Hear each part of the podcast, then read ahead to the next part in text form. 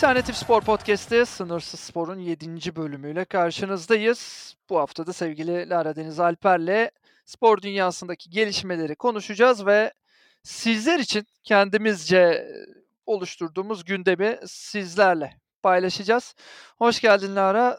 Spor dünyası oldukça yoğundu bu hafta. Senin için bu hafta nasıl geçti? Sen hangi başlıkları ön plana çıkartırsın ve nasıl bir hafta oldu spor ve senin için? Evet, benim ve spor açısından yoğun bir haftaydı. Euroleague çift maç haftası ve Indian Wells ile geçti çoğunlukla. Hatta Euroleague'de iki buçuk maç haftası da diyebiliriz. Ee, Anadolu Efes'in ertelenen Real Madrid maçıyla birlikte. Senin için nasıl geçti? Yani benim için Indian Wells çok yoğun geçti. Euroleague kısmında da şöyle sadece Fenerbahçe, Beko ve Anadolu Efes'i izledim. Bir de tabii ki Barcelona'ya bir göz attık. Özellikle Yasikevicius hocamın İstanbul maceraları epey konuşuldu. Biz de bu gündemden mahruz, mahrum kalmadık. mahrum kalmayalım dedik. Ama tabii haberler sende. Yani Yasikevicius hocam memnun kalmış mı? Burada ne kadar partilemiş, ne yapmış, ne etmiş? Sen oradan daha net şekilde bizleri bilgilendirirsin. Evet, Yasikevicius birazcık linç yedi e, Barcelona taraftarları tarafından ve Barcelona yönetimi tarafından. E, hem Olympiakos hem Fenerbahçe Beko maçları sonrasında iki yenilginin ardından hem Yunanistan'da hem İstanbul'da maçlardan sonra partilerde eğlendiği için birazcık linç yedi evet. Yani ben bunu şöyle yorumladım. Yasikevicius hocam artık misyonunu doldurdu. Kovulmak istiyor. Evet. Şimdi bir tatilini yapacak o kovulduktan sonra. Planı da söylüyorum. Yaz tatili de yapacak. Ondan sonra böyle Ağustos sonu, Eylül başı gibi Kaunas'ta Jalgiris'in başına geçecek. Orada böyle kendi kentinde, kendi şehrinde mutlu mesut yaşamak istiyor diye yorumladım. Ama tabii Barcelona yönetimi de nedendir bilinmez Yasikevicius'u kovmamak için devasa bir gayret içerisinde. Niye kovmuyorlar? Ne, neden memnunlar ya da kovmamaları için gerekçe ne? Ben bunu da merak ediyorum. Ya doğru zaman değil bence şu an kovmak için yani ne olursa olsun playofflar çok yaklaştı. Final Four çok yakın. Ya Barcelona bence yine de e, Final Four'a kalacaktır diye düşünüyorum. E, ya tabii ne olacağı hiç belli olmaz ama yani evet zamanlama doğru değil bence kovmak için ama bu sezon sonunda Eskevicius'un çok devam edeceğini zannetmiyorum Barcelona'da. Yani insan ilişkileri de çok iyi değil. Yani oyuncularla iletişimi de çok güçlü değil ve bu önemli bir sorun bence. Yani eğer Barcelona gibi bir takımı yönetiyorsanız bu ciddi bir problem. Bir de bununla beraber skorlar da gelmiyor. Ama benim şaşırdığım nokta şu Yasikevicius'a dair.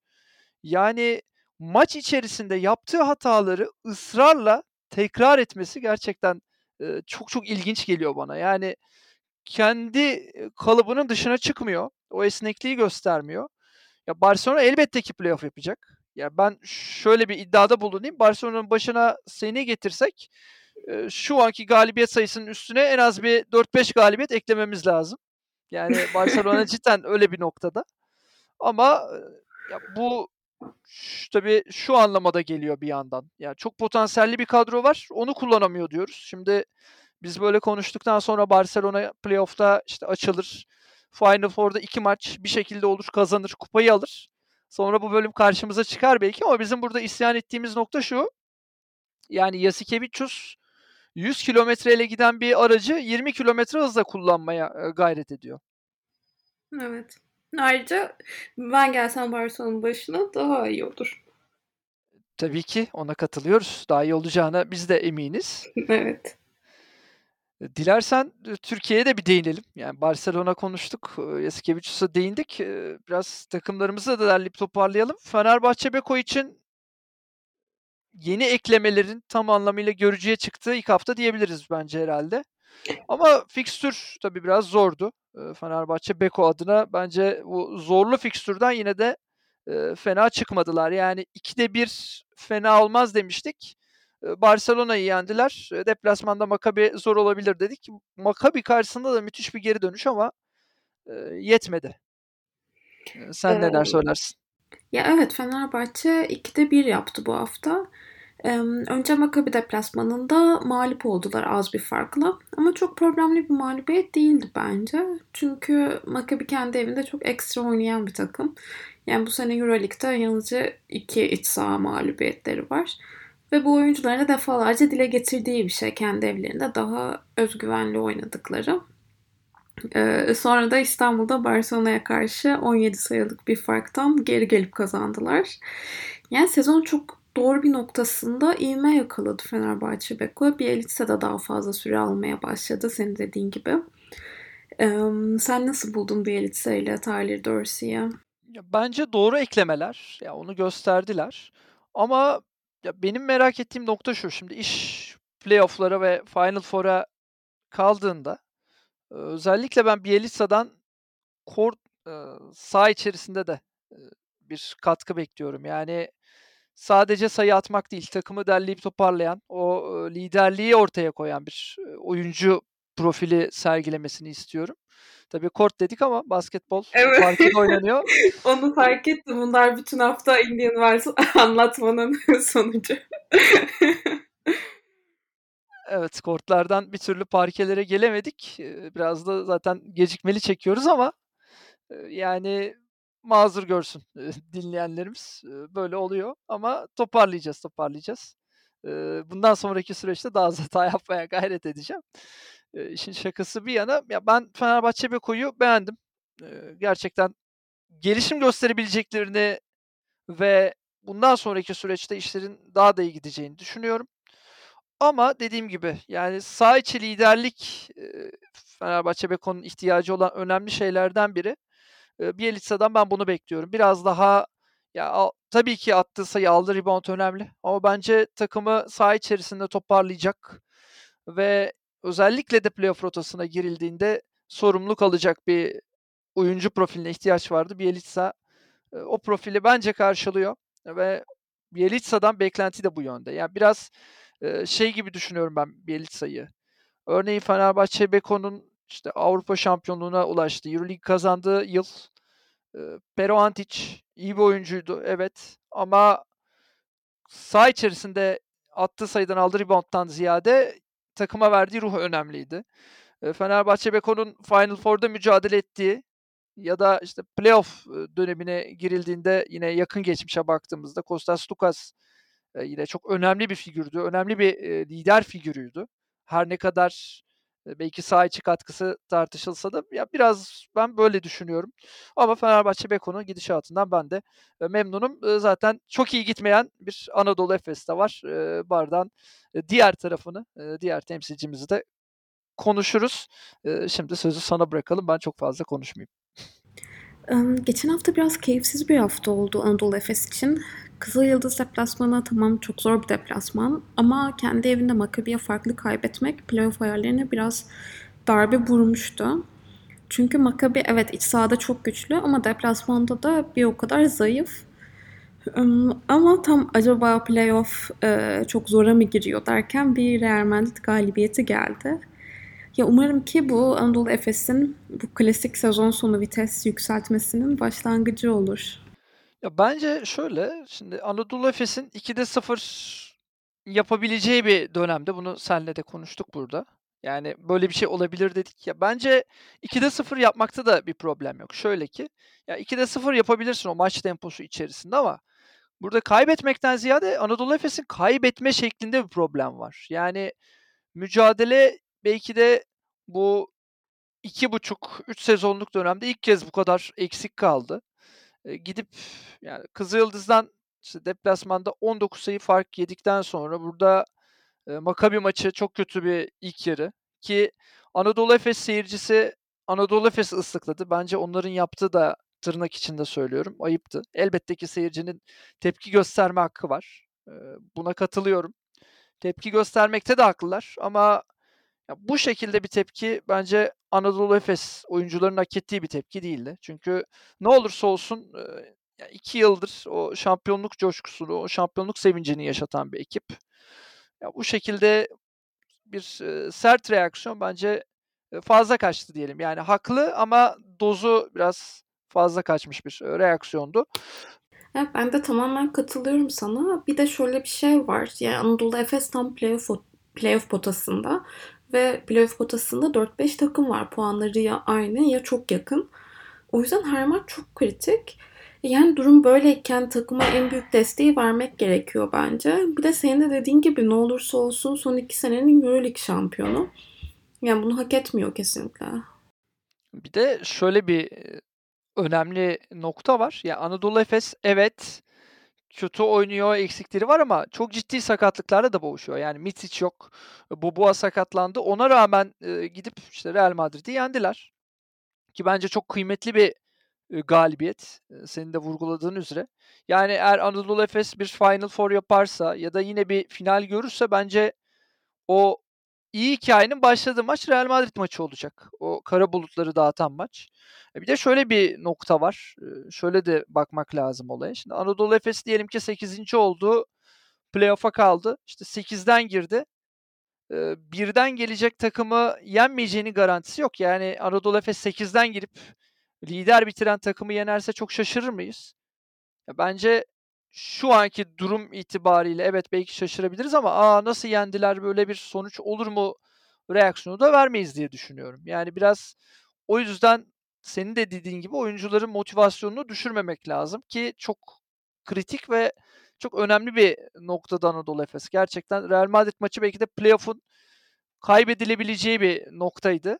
Ama o dönemeci geçtiler. Ben Anadolu Efes'ten bir çıkış bekliyorum bundan sonraki haftalarda. Fikstürleri çok iyi olmamakla beraber ben Anadolu Efes'in bir reaksiyon vereceğini düşünüyorum. Bilmiyorum sen bana katılır mısın? Evet çok kolay bir fikstürleri yok. Ama umarız ki Real Madrid galibiyeti bir momentum verir.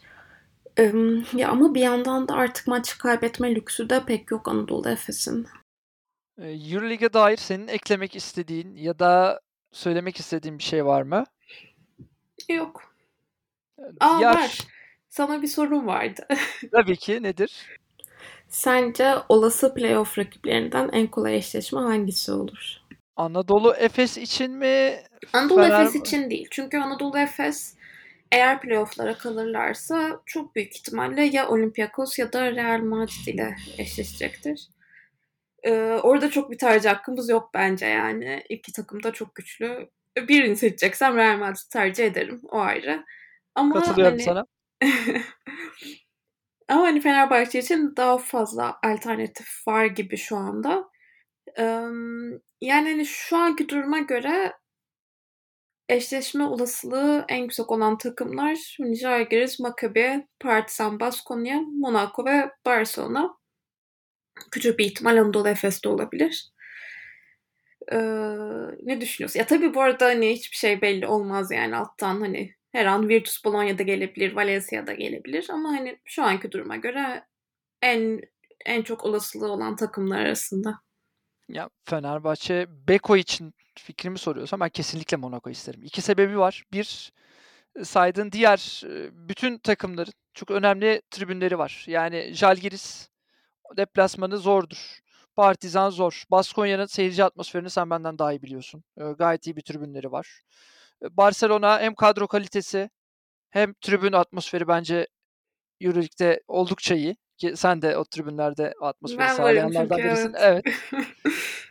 ya Monaco isterim. iki sebebi var. Bir, e, tribün baskısı diğer rakiplere göre nispeten daha az. Ve yani Monaco seyircisi biraz da böyle hani eğlencelik giden. Yani NBA seyircisi gibi giden bir seyirci yapısı. İkincisi Mike James şu anda tüm teknik heyetle kavgalı durumda. Mike James ve teknik heyet kavgası orada dinmeyeceğini hepimiz biliyoruz. Çünkü Mike James'i tanıyoruz. durum böyle olunca tabii ki Monaco'yu isterim. Yani şöyle söyleyeyim Fenerbahçe'nin seyirci avantajı olmayacağını varsayarsak yani burada home court avantajı olmadan seriye başlayacağını varsayarsak Monaco bence o dezavantajın ortadan kalkacağı en önemli eşleşme olur diğer rakiplere kıyasla. Eğer ev sahibi avantajı Fenerbahçe'de Bek Fenerbahçe Beko'da olursa ki Fenerbahçe Beko'da bu avantajın büyük ihtimal olacağını düşünüyorum ben. Ben de ev sahibi avantajının Fenerbahçe Beko'da olacağını düşünüyorum. Çünkü hem Barcelona hem Monaco'ya karşı ikili averaja da sahip e, Fenerbahçe Beko. Bir de işin teknik kısmına değindiğimizde şöyle bir gerçek var. Yani Monaco diğer tüm saydığın takımlara kıyasla biraz daha yumuşak bir takım bence. Evet. yani işin teknik kısmında da öyle bir, eee, farklılık var. Bence güzel oldu Euroligi böyle bir tartışma eşliğinde, eee, değerlendirmek keyifliydi. Teşekkür edelim sana. Yavaş yavaş kış sporlarına doğru bence bir yol alma zamanı geliyor. Rover çünkü bütün hızıyla devam ediyor. Biz, Rover'i henüz konuşamadık. O kadar yoğun bir program var ki Rover'de. Her gün atlayışlar, her gün yarışlar, her gün yenilikler. Senden bir, eee, Rover turnuvası değerlendirmesi alalım. Norveç turu. Bakalım, kayakla atlamadaki, gündemi nasıl, değerlendireceksin? Bu yoğun, gündem içerisinde kimler senin dikkatini çekti? Senin notların neler? Evet, gerçekten çok yoğundu. Neyle başlasam bilemedim şimdi. Tamam, şunu söyleyerek başlamak istiyorum. Vikersund'da tarihte ilk defa kadınlar kayakla uçma yarışı gerçekleşecek. Aynı zamanda da bu Rover turnuvası kayakla atlamada kadınlar ve erkeklere eşit ödül parası verilen ilk turnuva. Bu anlamda çok özel bir turnuva oluyor. Şu ana kadar olan ki yarışlara gelirsek, yani 2 Oslo ve 1, eee, Lillehammer yarışı. Halvor geri döndü. Uzun süredir kayıplardaydı ama Lillehammer'da kariyerin ilk Norveç podyumunu gördü ve bu podyumda yarış kazanarak elde etti. Sence Halvor ne zaman ilan eder Dünya Kupası genel klasman şampiyonluğunu? Bence ya, Vikersund'da ilan etme ihtimali çok çok yüksek. Çünkü ya, David Kubacki ivmeyi kaybetti demiştik. Zaten, eee, çok iyi gitmiyordu. İyice Rover turnuvasında işler kontrolden çıktı Kubacki için. Çok iyi bir kayakla uçma sporcusu olmadığını biliyoruz Kubacki'nin, yani Halvor'a kıyasla. Eee, bütün bunlar sanki Vikersund'u işaret ediyor gibi, eee, geliyor bana. Tabii Halvor nasıl başarılı olduğunun hemen sırrını verelim, bu podcast'i dinleyenlere. Halvor Energranerud'un, eee, Norveç'te en sevdiği çikolataya kavuşmasıyla, birlikte performansı arttı. Bu da önemli bir detay olarak, paylaşılsın. Bir de tabii ki Stefan Kraft'a ben ayrı bir parantez açmak istiyorum. O da, müthiş bir mücadelenin içerisinde Halvor Energranerud'le. Eee, Stefan Kraft'ı da özellikle teknik açıdan izlemek, çok keyifli. Bir de buradan küçük bir sitemim olabilir mi? Tabii Küçük bir ki. tepki. Ya, ben Polonya takımına ufak bir sitemde bulunacağım. Yani olmaz Neden? böyle. Ya, böyle olmaz ama. Yani Hı. tamam iyisiniz, hoşsunuz da ya son yarışta en iyi Polonyalı 15'inciydi. Bu ne? 15'incilik ne? Yani Evet, ne yapıyorsunuz gerçekten ya? Sezonda çok iyi başladılar. Eee Evet. Yani olmaz böyle, olmaz. Ya 15'incilik ne? En iyi en iyi performans 15'inci Kamisto. Yani 15 ne? Bu tepkiyi de, eee, dile getirmek istedim. Yani olmaz böyle. Eee, dileriz toparlanırlar. Eee, Vikersund'da daha iyi performans bekliyoruz tabii ki kendilerinden. Vikersund'a uğurlu geliriz kendilerine. Umarım, umarım. Yani bir bir hareketlenmeye ihtiyaçları var. Eee, bir de Rover'e dair şunu söylemek istiyorum. Eee, benim için bu hafta en, eee, dikkat çeken noktalardan biri de şu oldu. Eee, gerçekten, eee, FIS yönetimi altında ilk kez ben kapı değişikliklerinin bu kadar makul ve bu kadar doğru yapıldığını gördüm. Yani neredeyse 10 yıldır kayakla atlama anlatacağım. 9,5 sene oldu. 9,5 sene içerisinde, eee, krizlerin en iyi yönetildiği turnuvaydı. Gerçekten kapı değişiklikleri hep yerindeydi. Yeri gelmişken Sandro Pertile'yi de buradan, eee, tebrikler diyorum. Sandro Pertile sesimizi duymuş. Evet, Sandro Pertile sesimizi duymuş. Dileriz, eee, Sandro Pertile ile de, eee, iletişimimiz devam eder. Kendisine görevinde başarılar diliyoruz. Evet, o da dinlemiş podcast'imizi, Itudis gibi. Yani Itudis dinledi, evet. Sandro Pertile de bu şekilde devam etsin. Ona da buradan seslenelim. Kortlara geçelim artık? Dilimin, eee, sürçmesinin sebebi olan Indian Wells turnuvasına. Geçelim. Eee, Indian Wells turnuvasını sen nasıl, eee, değerlendiriyorsun? Biraz senden yorum alalım. Çünkü ben çok fazla kort içinde kaldım. Biraz dışarıdan nasıl gözüktüğünü de merak ediyorum. Ben çünkü hep kort içini gördüm. Dışarıdan hiçbir şey göremedim. Niye sandalye hakemi misin sen? Ya, hayır, eee, ben, eee, spikerim. Sandalye hakemi keşke Tamam, olsaydım. sen de dışarıdan anlatıyorsun işte. Ama yok kamera sadece kortun içini görüyor ya. Sadece 2 tane topa vuran adam görüyorsun. Koşan ve topa vuran adam görüyorsun. Şimdi dışarıdan baktığın zaman daha geniş ben açıyla görüyorsun. Sen E, daha ben geniş görüyorum? Ben gidip Kaliforniya'da sokaklarda dolaşmıyorum. Ben de korta bakıyorum. Ya olsun sen şimdi kort magazine de hâkimsin mesela. Geçen hafta bize bir kayakla atlama ilişkisi açıkladın burada. evet. Ama işte o çok nadir öğreniyorum öyle şeyleri. İşte ben Öyle hiç bilmiyorum. magazinim yok. Düşüneyim var mı? Yok. Te ka ek aklıma gelen tek magazin, Rooney ile Wawrinka'nın didişmesi. Onların da gerçekten müthiş bir ilişkisi var. Yani harika bir, eee, ilişkileri var. Eee, dileriz, ııı, tabii daha iyi bir ilişkiye sahip olurlar. Gerçi karakter itibariyle bu çok da kolay gözükmüyor. İkisinin de Kolay karakterlerinde evet, belli, eee, başlı, uç noktalar var. İii, Wawrinka'da ne varmış ya? Wawrinka çok tatlı. Evet, çünkü göbekli. Ne alaka? Öyle. Kendisi birazcık göbekli. Farklı bir tarzı var. Yok, oyuncu olarak çok severim bu arada. En estetik, eee, bekentlerden, eee, birisine sahip kendisi. Bence Federer sonrasında bekentine en, eee, yakıştığı isim de Wawrinka ama ya kort içerisinde, eee, biraz daha sakin kalması lazım. Ha, Holger Rune, Wawrinka'nın söylediklerini hak eden bir profil mi? Evet.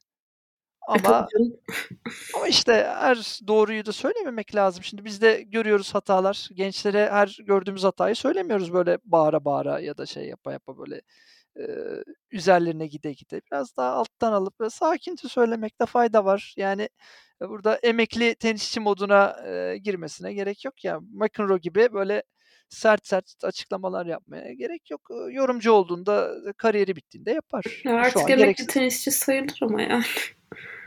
Eee, hâlâ oynadığı için emekli değil işte. Yani kortta hâlâ topa vurduğu Eh. müddetçe emekli olmayacak. O yüzden Neyse, neyse çok, ııı, goy goyumuzu yaptık. Evet, çok konudan uzaklaştık. Evet, evet. Eee, hemen kort işine dönelim. kort işine dönelim. Medvedev Zverev maçı vardı. Çok keyifli bir maçtı. Çok gidip geldi. Çok çok garip bir maçtı gerçekten ya. Yani benim için, hani, biraz daha böyle, ciddiye dönece dökeceksek işi, ben Jannik Sinner evladımı çok beğendim. Jannik Sinner evladım yürüye dursun. İyi gidiyor. Ben kendisinden çok çok umutluyum. Zverev'in toparlanabileceğini düşünmüyorum. Zverev hâlâ kort içerisinde böyle bir gidiyor, bir geliyor falan. Servisleri bir düzeliyor, bir kötü gidiyor. Şey gibi tam böyle, bilgisayar ekranı yarım çalışır, işte, böyle prize takarsın, olmaz olmaz. Bazen böyle morali yerindedir, çalışır o. Tam öyle yani Zverev. Zverev'in biraz zamana ihtiyacı var. Medvedev de şu anda iyi gözüküyor ama bu kadar iyi gözükmesinin tek sebebi Novak Djokovic'in kortta olmaması. O kadar da iyi gözükmüyor bence Medvedev ya. Yani, ımm, Zverev karşısında zorlandı epey. Ki senin dediğin gibi Zverev yani çok, ımm, geri dönecek gibi değil. Yani çok, mental olarak da zaten tenise kafayı veremiyor Zverev. Eee, zaten kort Evet. dışı malum. Öyle olunca, sakatlık da etkiliyor tabii ki. Eee, Ben yani Foki dileriz. eee, ben Fokina'dan dolayı çok mutluyum. Çeyrek final gördü. Evet, annesinden babasından sonra en çok, dünyada destekçisi olan insan sensin. Evet. Yani dileriz böyle devam eder. O da iyi bir ritim yakaladı. Ben ondan toprakta çok önemli şeyler bekliyorum. Sert kortta da gelişim gösteriyor. Toprakta, Tabii. eee, böyle bir seviye daha yukarı çıkarsa ben elit oyunculardan biri olabileceğini düşünüyorum Fokina'nın, toprakta özellikle. Tarzı itibariyle çünkü toprağa çok çok uygun. Ya, evet, zaten toprak en iyi olduğu zemin ama ben de sana katılıyorum. Yani, emm, sert kortta da epey bir gelişme kaydetti bence. Birazdan da Medvedev ile oynayacak. Muhtemelen bu podcast yayınlandığı zaman o maç da oynanmış olur. Umarım ki kazanır. Umarım. Eee, tabii şunu da söyleyelim. Eee, yani Indian Wells'te sürprizler olabilir. Çünkü kort yapısı itibariyle de işin teknik kısmına da biraz girmek gerekirse en, eee, yavaş kortlardan biri Indian Wells. Eee, bu sayede ya oraya uyum sağlayanlar bir adım öne çıkıyor. Fokina'nın da adaptasyon konusunda iyi tenisçilerden biri olduğunu düşünüyorum. Son olarak şunu söyleyeyim, benim şampiyonluk için adayım Jannik Sinner. Eee, senin şampiyonluk adayını öğreneyim. Ben topa girdim Jannik Sinner diyerek senin de tahminini alalım. Alcaraz ya hâlâ. Hâlâ Alcaraz diyorsun. Peki ben Evet. ben, eee, sürprize gidip, Jannik Sinner diyorum. Bol şanslar Jannik Sürprize evladım. gideceksek Fokina derim ama bu gerçekçi bir tahmin olmaz mı? İşte benimki gerçekçi gönlümden geçen bir tahmin.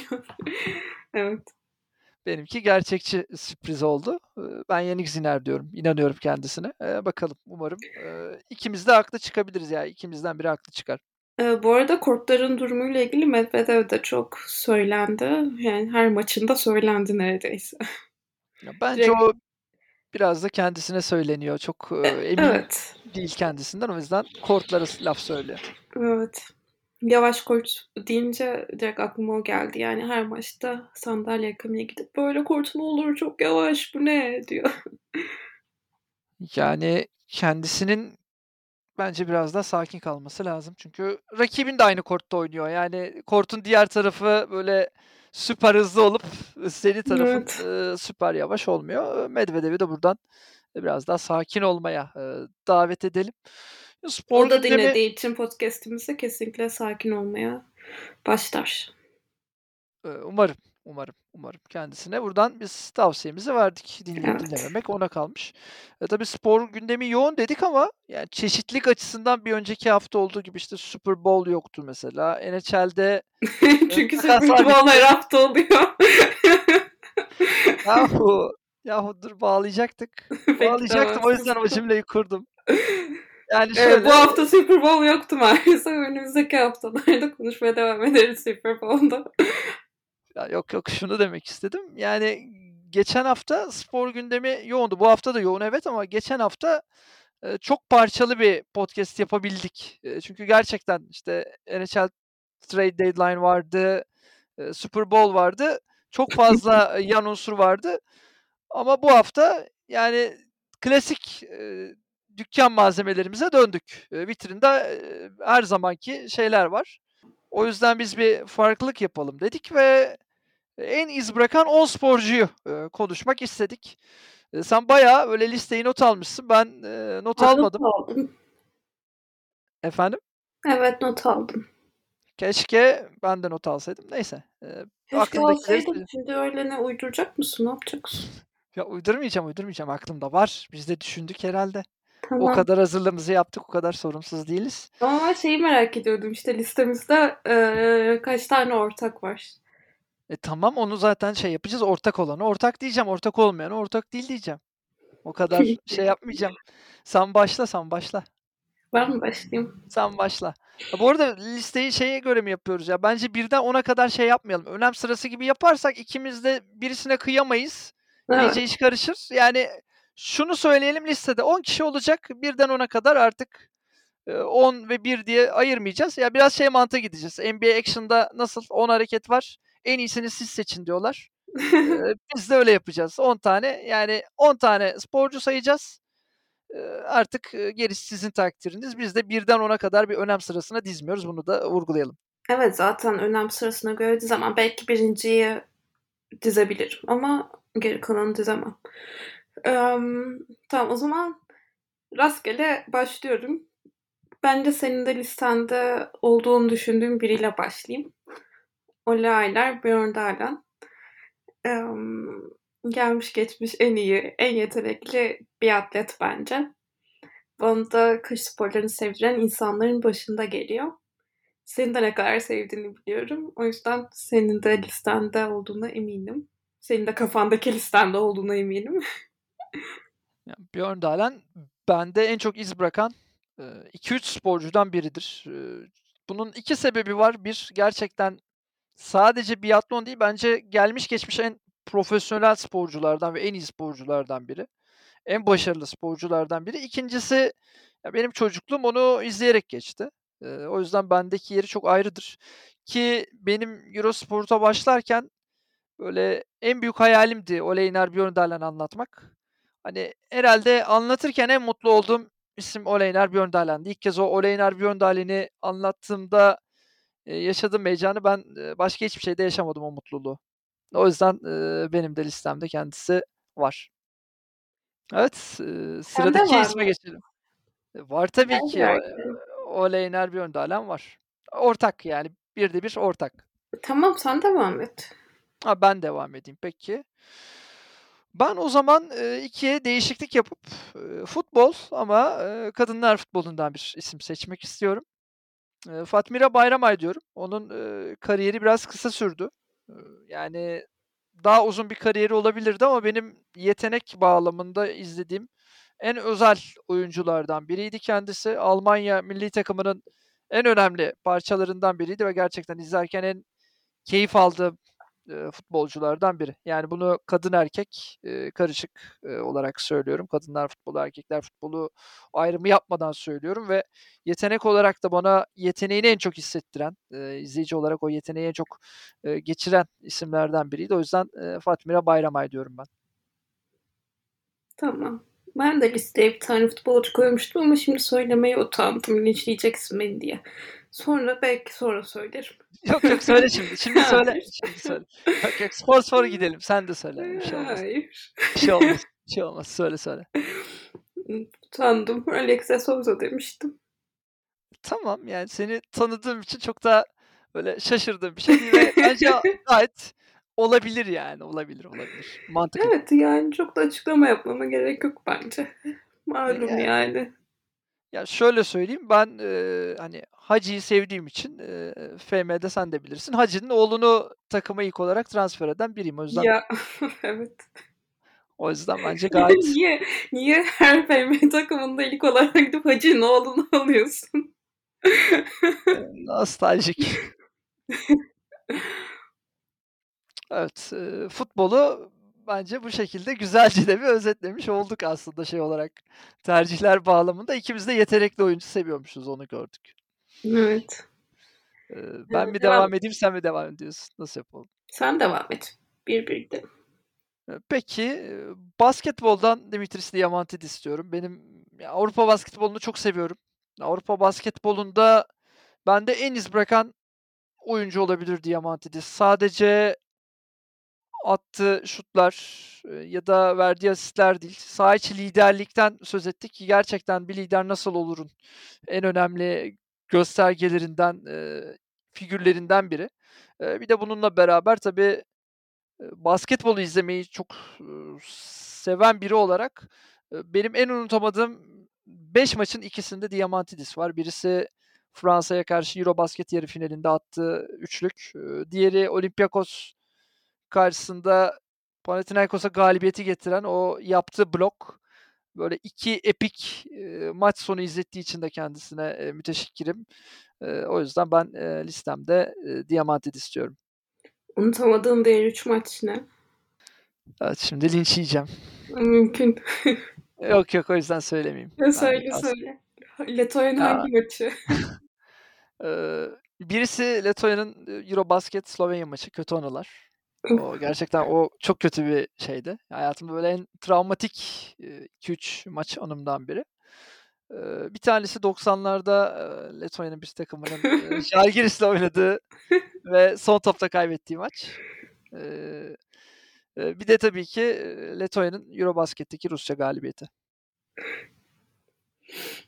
Evet. Tamam, yorum yapmamak için zor tutuyorum kendimi, tamam. O o zaman, eee, haydi sana pası atalım sen 3'üncü ismi açıkla. Evet, bence de açıklayayım ve yorum yapmayayım dediklerine. Ben de basketboldan Dirk Nowitzki diyorum. Emm, ya, benim en sevdiğim basketbolcu ve basketbolu bu kadar sevmeme sebep olan oyuncu. Bence Michael Jordan dâhil Nowitzki'den daha iyi bir fadeaway yapabilen bir oyuncu olmadı. İzlemek hep çok keyif verdi bana. Dün kendisi Indiana Wells'teydi. Kendisini Evet, Indiana Wells'te gördüm. gördük. Kendisini Indiana Wells'te gördük, evet. Ben de kendisini çok severim. Bence NBA'ye giden en iyi Avrupalı bu arada. Yani NBA'de yaptıklarıyla ve, ortaya koyduğu basketbol çıtasıyla. Ya, orada Olabilir. başardıkları bağlamında söylüyorum bunu. Evet, sıra sende. Hayır, sende. Ben söyledim işte, şimdi sen söyle. Tamam, ben devam ediyorum o zaman. Kayakla atlamaya geçelim. Tamam. Ben geçiyorum. Eee, benim listemde kayakla atlamadan Adam Małysz var. Yani benim ilk hatırladığım kayakla atlama anılarımda Adam Małysz var. Eee, başardığı ve Polonya'da kayakla atlamayı getirdiği nokta inanılmaz. Eee, röportajı kırmayıp benimle röportaj yaptığı için adanmamış var. Türkiye'ye tatile geldiği için yine adanmamış var. Yani her şekilde adanmamış var. Adanmamış gerçekten, eee, en özel, kayakla atlama ikonlarından biri. Ben tabii ki de Norei Kasai demek istiyorum. Emm, ya, kayakla atlamayla çok ilgili olmayanlar için Japon bir kayakla atlamacı. Şu anda 50 yaşında ve birkaç ay önce Dünya Kupası elemelerinde yarıştı ki şu an hala düzenli atlasa Japonya milli takımının en iyi ikinci sporcusu olur bence Kobayashi'den sonra. Aynı zamanda da bu arada hani en sevdiğim sporcuyu seçecek olsam da Norei Kasai'yi seçerdim. 500'den fazla Dünya Kupası'nda yarıştı. 8 ee, tane olimpiyata katıldı. İlk olimpiyat madalyasını 1994'te aldı. İkinci ve üçüncü olimpiyat madalyasını 20 sene sonra 2014'te aldı. Kişilik olarak da çok tatlı. Sporu çok seviyor. Çok azimli. Benim için bir numarada. Benim için de çok özel bir isim. gerçekten buna ben de şöyle bir katkı sunmak istiyorum. Benim en unutamadığım, ııı, podyuma imza atan isim, eee, Nora Ekasay, Simon Evet, Amman'la beraber. Simon Amman'la beraber. Çok Çok özel bir çok özel bir, eee, podyumdu. Eee, 5 numaraya geldik. Eee, 5 numarada, yani 5'inci isim olarak söylüyorum. Bu önem sırası değil, bir kez daha vurgulayayım. Michael Schumacher var. Benim çocukluğumun, en önemli kahramanlarından biri. En çok imza almak istediğim sporcuydu Michael Schumacher ve bunu başardım. Kendisine teşekkür ediyorum. Ve ya her hafta sonu ben Formula 1 izlerdim 90'ların, ııı, sonundan itibaren. Gerçekten her hafta sonu desteklediğim ve hani fanboyluk yaptığım, en önemli figür. Eşsiz bir yetenek, saf bir yetenek. Önemli bir mental, kazanma gücü. O yüzden, eee, Michael Schumacher diyorum. Sen kimi koyuyorsun? Nerede? Formula 1'den mi? Yok, genel genel. 5. isim olarak. O zaman Dominika Hasek'le devam ediyorum. Benim en sevdiğim bu Sake oyuncusu. Çekyalı kaleci. NHL'de de uzun süre Buffalo Sabres'ın kaleciliğini yaptı. Çok değişik ve alışılmadık bir stili var. Tavsiye ederim bir YouTube'dan videolarınızı izlemenizi. Kişilik olarak da çok seviyorum ben. Özellikle şu sıralarda NHL'de Putin destekleyen sporcuların sporculara bir tepki verilmemesine tepki gösteren sayılı sporculardan biri. Ben de buz okeyinden devam edeyim o zaman. Yani aklımda şimdi iki tane isim var buz okeyinden. Birisini söylersem linç yiyeceğim. Diğerini söylersem içimdekini söylememiş olacağım. Tamam, Nasıl yapayım? Söyle linç yer. Linç ye, tamam. Eee, 6. isim olarak ben Letonya'nın buz efsanesi Sandis Ozolunç diyorum. Eee, Stanley Kupası kazanan tek Letonyalı. Eee, 46 yaşına kadar en üst seviyede buz hokeyi oynamış bir isim. NHL'de 90'ların sonunda savunma oyuncularının özellikle oyun yapısını değiştirmiş 2-3 eee, savunma oyuncusundan biri. O yüzden eee, kendisini eee, bu listeye dahil ediyorum. Kendisi 1990'ların Victor Edman'ı Moritz Seider'iydi. Eee, öyle özetleyeyim ve eee, senin Ya bölümün başına Tahmini Letonya Milli Marşı koyalım bir de istersen ya. O kadar milliyetçi bir bölüm oluyor. Eee, 7. isme geçelim. 7. isim, 7. isim. Sende, sende sıra. Eh, tamam. Hımm, tamam bir dakika bakıyorum listeme kimi söylemedim. Tamam, Yanya Garnbret. Eee, Sloven bir tırmanışçı. Benim de güncel olarak izlemeyi en çok sevdiğim sporculardan biri. Ya çok genç, yani 20-21 yaşında olması lazım. Şu an tam hatırlayamadım ama inanılmaz bir yetenek. Ya tırmanış hem zeka hem fiziksel güç gerektiren bir spor. İkisinde de çok iyi. Ne denk gelirseniz izlemenizi tavsiye ederim. ben bir tenisçiyle, eee, devam etmek istiyorum. Hı hı. Eee, Guillermo Coria diyorum. Benim, eee, özellikle tenisle, yani izleyici olarak ilgilenmeye başladığım dönemde kendisi müthiş bir toprak kort oyuncusuydu. Eğer sakatlık yaşamasaydı muhtemelen, Nadal bu kadar fazla, eee, Roland Garros şampiyonu olamayabilirdi. Olmazdı demiyorum, olamayabilirdi diyorum. Ama, sakatlıklar tabii onun, kariyerini mahvetti ama çok özel ve çok yetenekli toprak kort oyuncularından biriydi Arjantinli, Guillermo Coria. Eee, yazık oldu. Eee, yaşadığı sakatlık onun kariyerini bitirdi. Ya, ben tenisten Nadal'ı koyacaktım tabii ki ama sonra bu deprem felaketi sırasında hiçbir şey demedi diye, kimse gibi hiçbir tenisçi doğru düzgün bir şey söylemedi diye Djokovic ve Tsitsipas dışında. Sinirlendim, vazgeçtim koymaktan. Ama Ama Nadal na raketini bağışlamış adam. Öyle mi yapmış? Öyle öyle bir, eee, tevatür dolaşıyor. Bakarız ayrıntısına, şey. Bilmiyorum, görmedim, duymadım, Deprezedelere bilemedim. bağışlamış diye bir şey var. Ya, bence bağışladığını düşünerek sen Nadal diyebilirsin. O zaman Nadal diyorum. Evet, Nadal dedi. Nadal dedi. Eee ya, bence tamam şunu söyleyeyim, eee, herhangi bir spordaki en büyük dominasyonlardan biri bence kesinlikle Nadal'ın toprak kort dominasyonu. Katılıyorum. Buna kesinlikle katılıyorum. Ve ya, hakkını da teslim ediyorum evet. O konuda, haklısın. Eee, 8'e geldik, değil mi? Evet. Eee, 8 olarak, farklı bir isim geliyor. Biraz nostaljik bir isim. Benim kendisine hayran olduğum dönemde, kendisi MotoGP, sürücüsüydü ama sonrasında tabii, diğer, serilerde kendisini özellikle Superbike'da izledik. Herkes Valentino Rossi'yi çok severdi. Ben Max Biaggi hayranıydım. Max Biaggi diyorum. Evet, 8 olarak Max Biaggi dedim. Eee, yine bir motor sporları, seviyor, linci gelmez umarım senden. Senin de, eee, 8 numaranı alalım. Emm, Alexandra Reisman diyeyim. ABD'li bir artistik jimnastikçi. Ya, öncelikle 6 tane olimpiyat madalyası var. Çok başarılı ama benim bu listeye almamın asıl sebebi 2017-2018 yıllarında ABD'de jimnastik takımında bir taciz skandalı ortaya çıkmıştı. Takım doktoru Larry Nassar'ın senelerce sporcuları ta taciz ettiğine dair. Federasyon da bunun üstünü örtmeye çalıştı uzun süre. Yani ilgilenirseniz bir Netflix belgeseli de var bunun hakkında, Athlete A isminde. Bu konunun en çok üstüne giden, en çok konuşan insanlardan biriydi. Bu kadar, hani, saygı duymamın sebebi de bu. Ben 9'uncu isim olarak, kış sporlarından devam ediyorum. Eee, Caroline Kösner diyorum.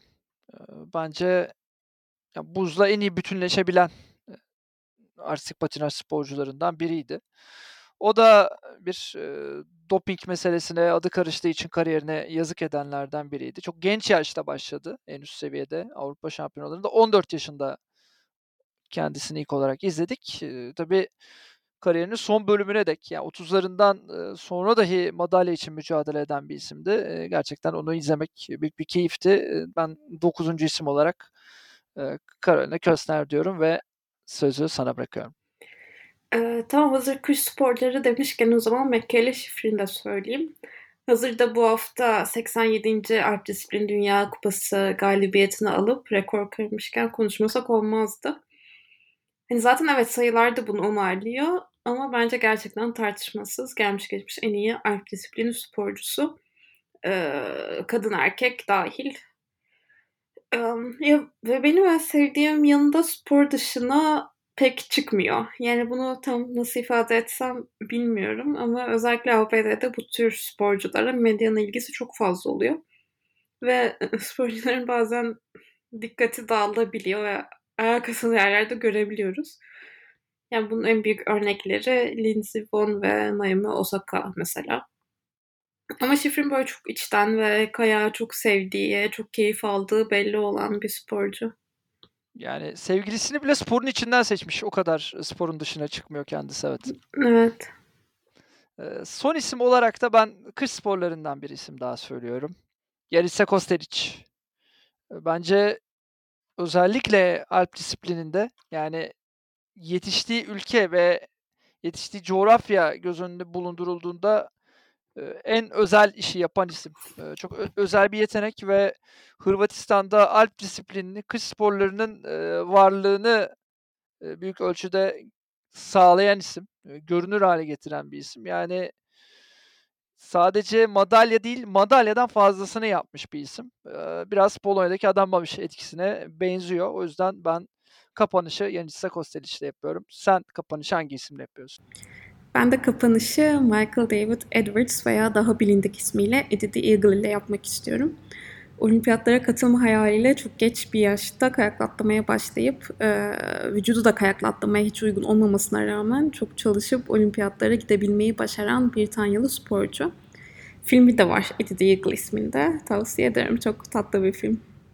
Gerçekten çok e, özel bir hikaye, çok özel bir isim ki kendisiyle röportaj yapma şansım da oldu. Ya, şunu söyleyeyim gerçekten e, filminin en böyle gündemde olduğu dönemde yaptık röportajı. Ben e, bu kadar egosuz, e, bu kadar pozitif ve bu kadar iyi niyetli yaklaşan e, başka bir isim görmedim röportajlarda.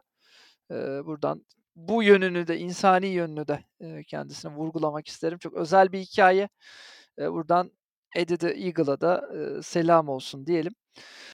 Alternatif Spor Podcast'i Sınırsız Spor'un e, bu haftaki e, bölümünün sonuna bu keyifli listeyle geldik. Ortaklaştığımız e, noktalar oldu. Ayrı düştüğümüz, çok farklı baktığımız noktalar da oldu ama e, sporun ruhunu yansıtan bir e, listeyi e, bence ikimiz de çıkardık. Bir dakika sonuç olarak ortak bir tek Oli Ayner bir Öndalen oldu galiba. Ben daha çok olur diye düşünmüştüm.